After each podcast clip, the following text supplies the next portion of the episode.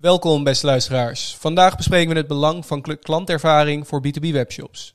Bedrijven als bol.com en Coolblue zijn hier al jaren koploper in. En het bieden van een soepele en fijne ervaring is tegenwoordig niet meer weg te denken bij succesvolle B2C webshops. Maar ook bij B2B webshops zien we steeds vaker dat er meer aandacht wordt besteed aan de klantervaring. Vandaag bespreken we dit samen met Joost, CEO van TIG.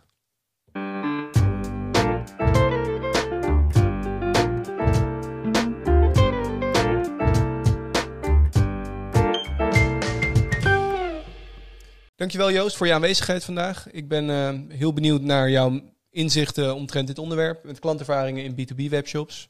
Um, wat is nou precies het belang daarbij? Ik zie het zelf steeds vaker terugkomen. Als ik een B2B webshop uh, toevallig bezoek, dan zie ik vaker een account manager erbij staan. Of in ieder geval een persoon, een fotootje en een uh, telefoonnummer wat je direct kan bereiken om vragen te stellen omtrent het product. Of hoe de service verder werkt. Of hoe je een klant kan worden zeg maar, binnen de omgeving.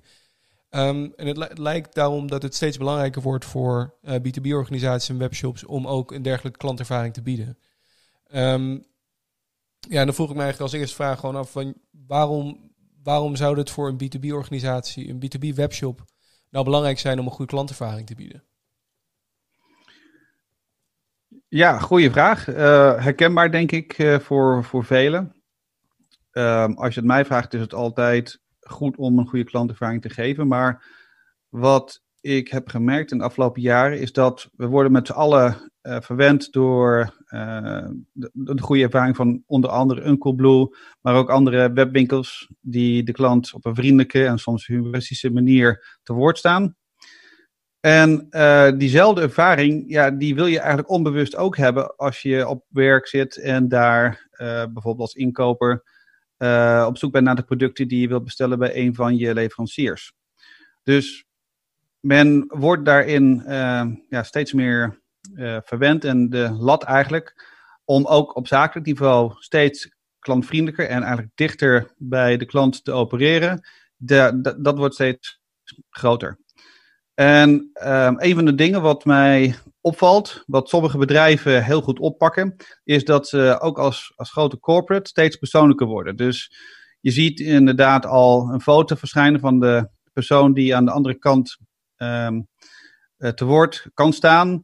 Je ziet ook in B2B zie je al chats uh, die worden toegevoegd, live chats of semi-live chats eigenlijk, om uh, steeds dichter naar de klant toe te kruipen. En dat is ook steeds belangrijker, uh, omdat ja, uh, elke klein of groot bedrijf heeft tegenwoordig wel een soort van webwinkel.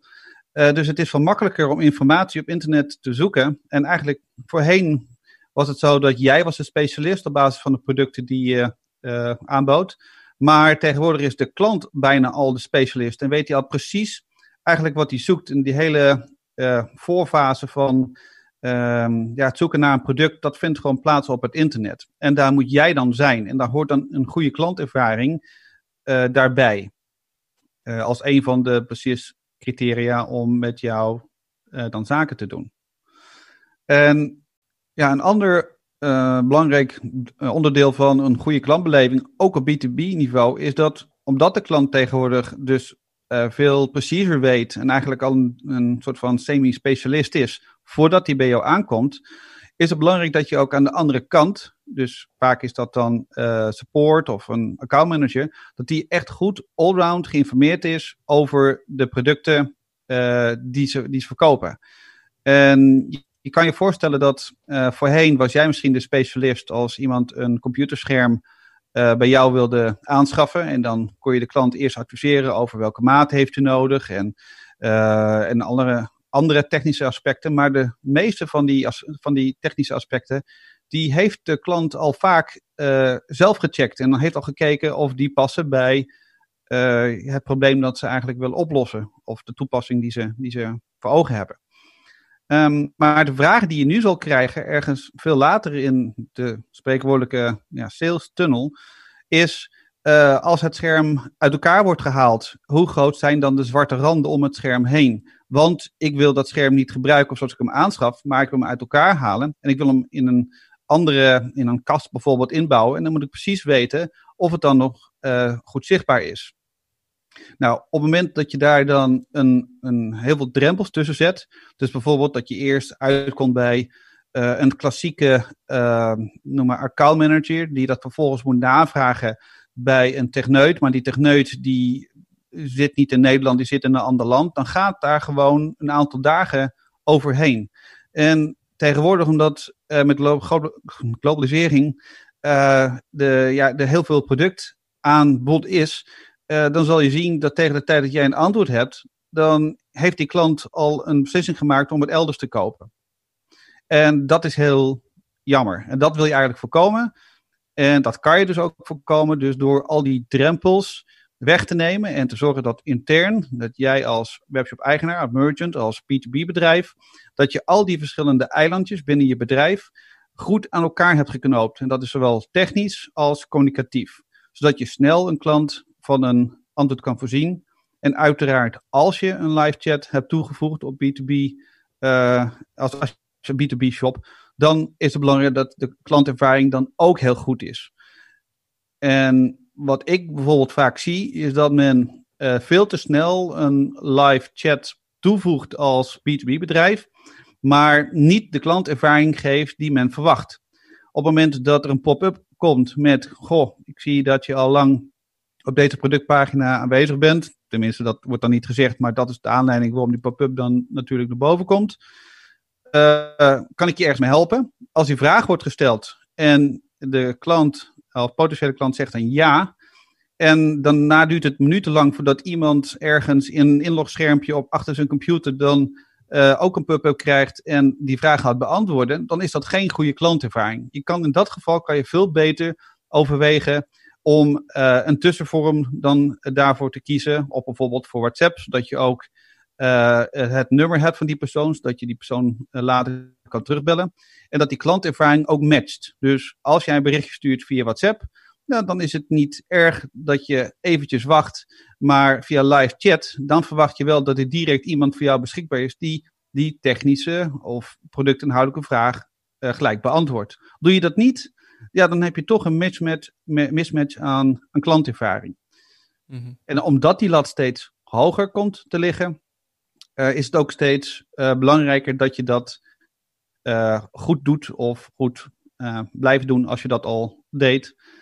Om te zorgen dat jouw klant steeds bij jou terugkomt en jij die product aan die klant weer ja, wederom verkoopt.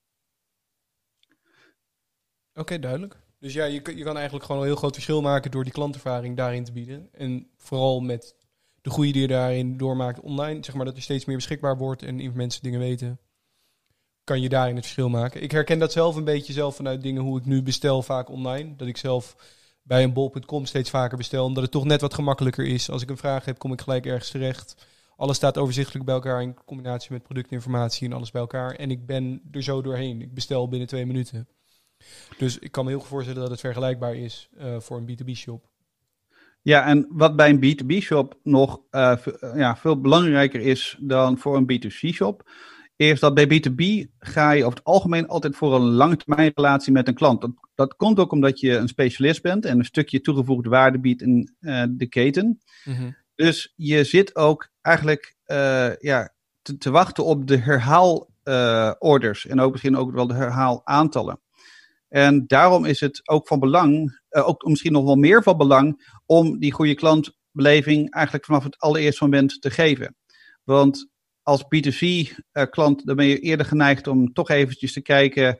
En zeker wij Nederlanders, uh, wat er op Amazon.nl ook beschikbaar is, of hetzelfde product er staat. Ter ergernis van vele merchants, I know. Maar dat is toch een standaard, ja, bijna flow dat een gemiddelde Nederlander doet. Voor B2B uh, zou je dat ongetwijfeld ook kunnen doen en misschien ook wel moeten doen als, als, als, ja, als potentiële afnemer. Ja. Maar, um, daarvoor, maar daarvoor geldt er steeds dat je kan niet op Amazon.nl vinden of jouw scherm, als hij uit elkaar is gehaald, die zwarte rand heeft en hoeveel millimeter dat is. Dan moet je echt toch de specialist uh, daarvoor spreken. Uh, en daarnaast denk je, als dit past in die kast, nou, misschien heb je wel tien andere kasten waar je ook een scherm wil inbouwen, zeg maar prima, dan laat ik het gelijk tien keer doen. Dan kan je ook gelijk vragen naar of er een stafverkorting mogelijk is of niet en vanaf welk aantal.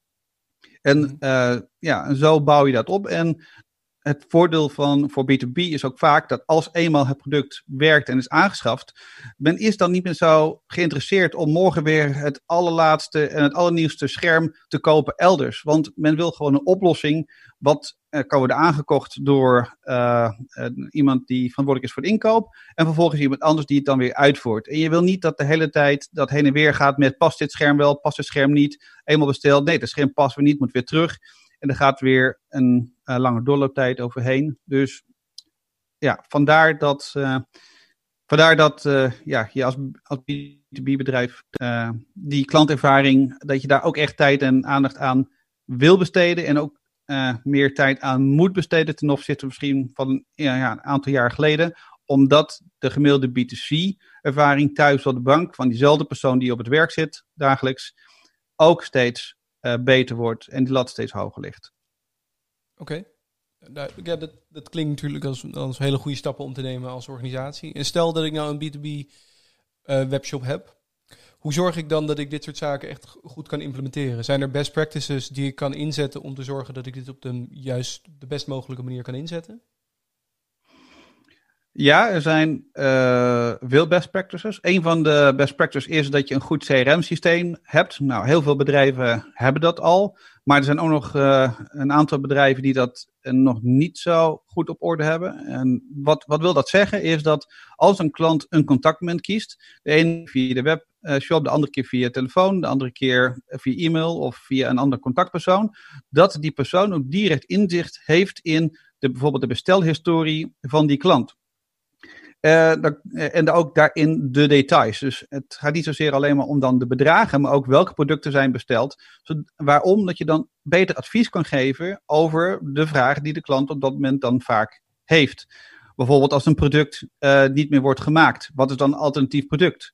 Op het moment dat je dan als eerste contactpersoon, waar die dan ook eigenlijk binnenkomt, die vraag. Als je dan kan terugkijken in de historie wat precies is besteld tot in detail, krijg je ook een veel beter beeld van die klant, van hoe, hoe vaak die bestelt. En kan je ook eigenlijk beter doorvragen met, uh, oké, ik zie dat u een aantal keer al dit product heeft besteld. U bouwt dat misschien waarschijnlijk dan ergens op in, of heeft u een andere toepassing dan daarvoor. En zo kan je komen tot een veel betere oplossingsrichting, waar je collega of concurrent of waar een ander platform niet aan heeft gedacht. Om zo die toegevoegde waarde uh, weer te, te bieden. Maar daarvoor heb je dus wel een goed CRM-systeem nodig, die aan al die verschillende IT-systemen intern uh, zijn gekoppeld. Um, dus dat is iets wat een goede practice is, dat als je dat nog niet op orde hebt, dat je daarin investeert en dat je die koppelingen daarin legt. En uh, ja, er zijn verschil, heel veel verschillende producten op de markt daarvoor. Daar zal ik niet verder nu op ingaan. Um, we denken bijvoorbeeld ook wat in zo'n uh, CRM-systeem uh, kan, is ook een doorlink naar de documentatie. Dus uh, als jij als B2B-bedrijf die schermen nog steeds, in mijn voorbeeld, verkoopt, zeg maar, dan kan je die documentatie, inclusief alle certificeringen, wat voor de ene klant belangrijk is, en de andere klant weer iets minder, allemaal toevoegen. En ook dat dat ja, uh, voor alle contactpunten eigenlijk beschikbaar is. En niet alleen maar specifiek ergens in één systeem of bij één afdeling die toegang heeft tot al die data. Oké, interessant Joost. Uh, ik herken de CRM-systemen zeker, ook zelf. Ook voor um, nou, doeleinden die niet direct aan een webshop gerelateerd zijn. Denk ik dat het heel handig is om alles goed bij te houden. Dat je alle informatie bij elkaar hebt. Zodat je snel kan schakelen tussen verschillende teams. Dus dat lijkt me een, een heel goed advies. En zijn er dan ook nog punten omtrent de, de onboarding, of in ieder geval het aanmaken van een account, uh, die gemakkelijker gemaakt kunnen worden? Want het voorbeeld wat ik gaf van een bol.com, de reden waarom ik daar blijf bestellen, is omdat ik nu een account heb staan, dan ben ik altijd ingelogd en binnen één minuut kan ik een bestelling gedaan hebben. Is dat dan ook iets um, wat voor B2B um, ehm, ja, belangrijk is? Ja, dat is ook zeker belangrijk, omdat je tegenwoordig steeds sneller producten en informatie nodig hebt um, is het ook zeker uh, belangrijk om daar een goed proces in te hebben. En wat ik zie bij B2B is dat men vaak nog terughoudend is, eigenlijk met het hele onboardingproces voor nieuwe klanten. En soms heeft dat ook een uh, politieke reden, bijvoorbeeld omdat je werkt met dealer dealers. En je wil niet je dealers nadelig beïnvloeden doordat je zelf ook producten gelijk gaat aanbieden aan klanten. dat kan een reden zijn, maar het, een van de dingen wat je wel zelf in de hand hebt, is dat als er een klant is, en niet alleen in Nederland, maar overseas, dat je een goede en klantonboarding hebt met, met heel weinig drempels. En een van de dingen is wat ik uh, ja, zou adviseren, is dat als je uh, een nieuwe klant hebt, zeg maar, die een product van je wil afnemen, dat je dan niet eindeloze formulieren eerst moet invullen en moet bewijzen als bedrijf zijn wie je bent en een, een complete eigenlijk kredietwaardigheidscheck uh, eerst moet gaan doen voordat je misschien ooit bij dit bedrijf mag bestellen. Dat is vaak wat ik zie. Ik denk, maak nou die drempel voor het eerste contact in je eerste bestelling zo laag mogelijk. Je kan een makkelijk een, uh, relatief makkelijk een KVK-check inbouwen, ook op Europees niveau, uh, waarbij je dus kan verifiëren in ieder geval voor de eerste stap of het een bedrijf is die bij je wilt bestellen. En dan kan je een, een, protocol intern hebben dat bij de eerste bestelling dat je de bestelling eigenlijk wel wordt geplaatst. Er wordt eventueel ook afgerekend. Hij wordt nog niet doorgezet, maar je, je spreekt intern af dat je binnen een x aantal minuten, uren die klant belt om te verifiëren of de invulde gegevens ook daadwerkelijk kloppen. Want ik merk dat bij B2B bedrijven men heel erg bang is, en die, die zorg die uh, herken ik ook wel, dat je dan toch levert aan een eindgebruiker. En ook met een eindgebruiker bijvoorbeeld een consument, waarbij je dan ook uh, volgens de consumentenrichtlijnen uh, moet handelen. Uh, hoe heet het ook alweer met termijn? Dat, daar, aan die regelgeving, daar wil je zo ver mogelijk als B2B-bedrijf van afblijven. Dus um, uh, wat, je, wat, wat, je dus kan doen in je beleid en in je flow, is dat je binnen een uh, korte termijn dan terugbelt naar die persoon om te verifiëren, is het daadwerkelijk dit bedrijf uh, die zich ja, net die order heeft geplaatst en klopt alles. En beter gezegd, je kan gelijk een persoonlijke onboarding geven met, goh, bedankt voor de, voor de bestelling. je zet hem intussen dan eigenlijk door voor uitlevering en je kan gelijk dat ofwel doorspelen naar de accountafdeling uh, dat zijn contact opnemen met, nou bedankt voor uw eerste bestelling. Wist u ook dat we deze en deze producten allemaal leveren? En wat is uw, uh, uh, ja, uw, uw vraag en waarvoor heeft u dit product gekocht, zeg maar? Want misschien zijn er meerdere toepassingen. Dat dit, dit soort dingen, zoals dat beleid en, en de protocollen, zeg maar, voor die klantonboarding, dat zie ik dat nog steeds bij veel B2B-bedrijven in, onnodig ingewikkeld is uh, met heel erg veel drempeltjes. Terwijl je, wil eigenlijk die klant heel veel bieden. En in Nederland kan je, onder andere bij de Bunkbank, kan je al uh, een, een, krediet ehm, voor nieuwe klanten, zeg maar. Nou, die kan je een kredietcheck doen, zodat je, dat, dat mensen eigenlijk heel snel gelijk kunnen bestellen. En dan word je dus ook ontzorgd dat zij, in dit geval de Bunkbank, zeg maar, deel van het risico nemen. Wat je ook eh, kan doen is uh, bijvoorbeeld uh, creditcard toevoegen. Moet je wel opletten dat je niet te veel chargebacks zeg maar, krijgt. Oftewel dat, je, dat mensen na een bestelling plaatsen uiteindelijk het geld weer terugvragen bij de creditcardmaatschappij. Ik zie wel dat dat tegenwoordig ten opzichte van jaren terug echt aan het afnemen is. het verschilt per, per sector, maar ik, ik denk dat dat nu gemiddeld 1 op de 100 is voor het aantal bestellingen die zijn gedaan met creditcard, waarvan dan 1 op de 100 uh, eh, een, een chargeback wordt gedaan. Maar die formulieren uh, zijn gewoon een stuk uitgebreider en ingewikkelder geworden voor de, degene die het af heeft genomen om bezwaar te kunnen maken. Omdat die drempel voorheen veel te, veel te makkelijk was. maar als je creditcard aanbiedt, dan, dan bereik je opeens een groot gedeelte van de wereld. En ja, vaak zijn het zo dat mensen, en zeker bij B2B, uh, uh, ja, vooral op B2B gericht, die zijn op zoek naar een oplossing. En dan speelt geld wel mee, maar op het moment dat ze een oplossing hebben voor hun probleem, voor een bepaald product of service dat je zeg maar levert, dan is geld, um, ja, ik, weet niet of het dan direct secundair is, maar dan speelt dat minder mee dan, uh, dan voor B2C uh, eh, klanten waarvan geld eigenlijk vaak op uh, nummer 1 positie staat. -hmm. Maar daar ben ik wel benieuwd, want als je zegt van dat klanten misschien dan ook internationaal zouden kunnen bestellen, moet je dan ook denken aan een internationale klantervaring? Of is een klantervaring lokaal? Ja, um, ook interessante vraag. Zeker uh, zou je erover na moeten denken, maar je moet goed uh, over, over, na moeten denken hoe je dan internationaal gaat versturen. Kijk, het is heel simpel. Als iemand een, vanuit Argentinië een bestelling plaatst bij jou, kun je dat gewoon leveren via jouw logistieke partners, uitgaan dat je een uh, redelijk stabiele logistieke partner hebt.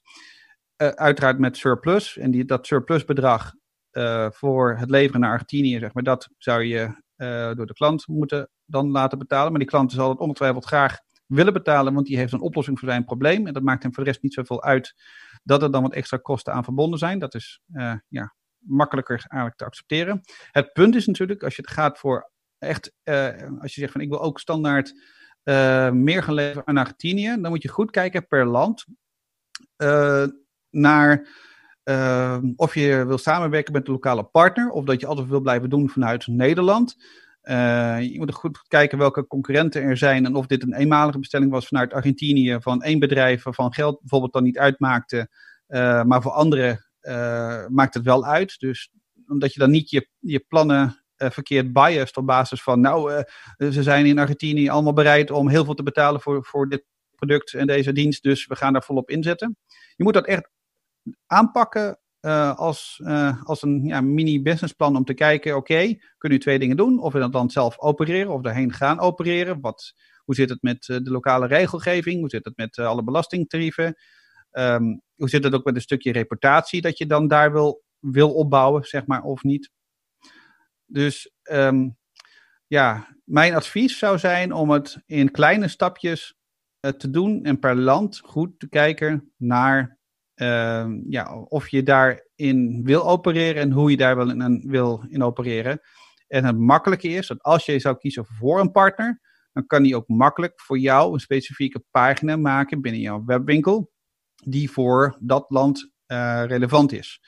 En ik kan je bijvoorbeeld voorstellen dat als jij zit in de fietsenhandel, hier in Nederland hebben we allemaal mooie productfoto's, en, uh, maar heb je een uh, foto gemaakt van een Amsterdammer bijvoorbeeld, of een Rotterdammer of een Utrechter, die op de fiets uh, staat op een brug, maar zonder helm.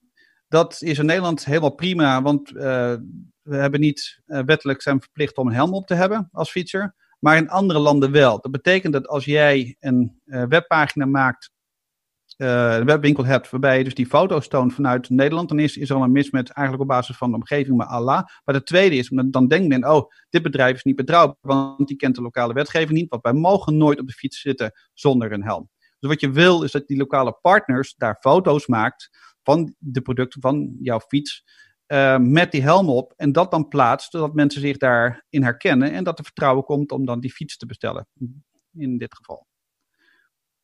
En er zijn nog heel veel andere uh, regels waar je mee rekening uh, moet houden per land. En als het gaat om een enkele bestelling, zeg maar Allah. Ik bedoel, jij biedt gewoon je producten aan. Als iemand dat wil afnemen, um, prima. Maar als je het echt wil verder wil opereren, dan moet je dat wel aanpakken als een losse business case. En eigenlijk als een businessplantje daarvoor schrijven. En je goed laten informeren um, daarover. Oké Joost, nou, dat is sowieso super interessant. Dit zijn allemaal processen die je ja, kan implementeren in je organisatie om te zorgen dat je zo goed mogelijk een goed mogelijke ervaring kan bieden aan je klanten. Um, maar stel nou dat je een organisatie hebt waarin je um, niet genoeg mensen beschikbaar hebt. En misschien op de korte termijn ook niet hebt. Uh, of dat je andere redenen zijn waardoor je misschien het klantcontact zelf vanuit de personen niet kan uh, regelen van daaruit. Zijn er dan ook methoden hoe je je platform, je e-commerce platform, zo kan inzetten dat je alsnog een hele goede klantervaring kan bieden. Ja, zeker kan dat.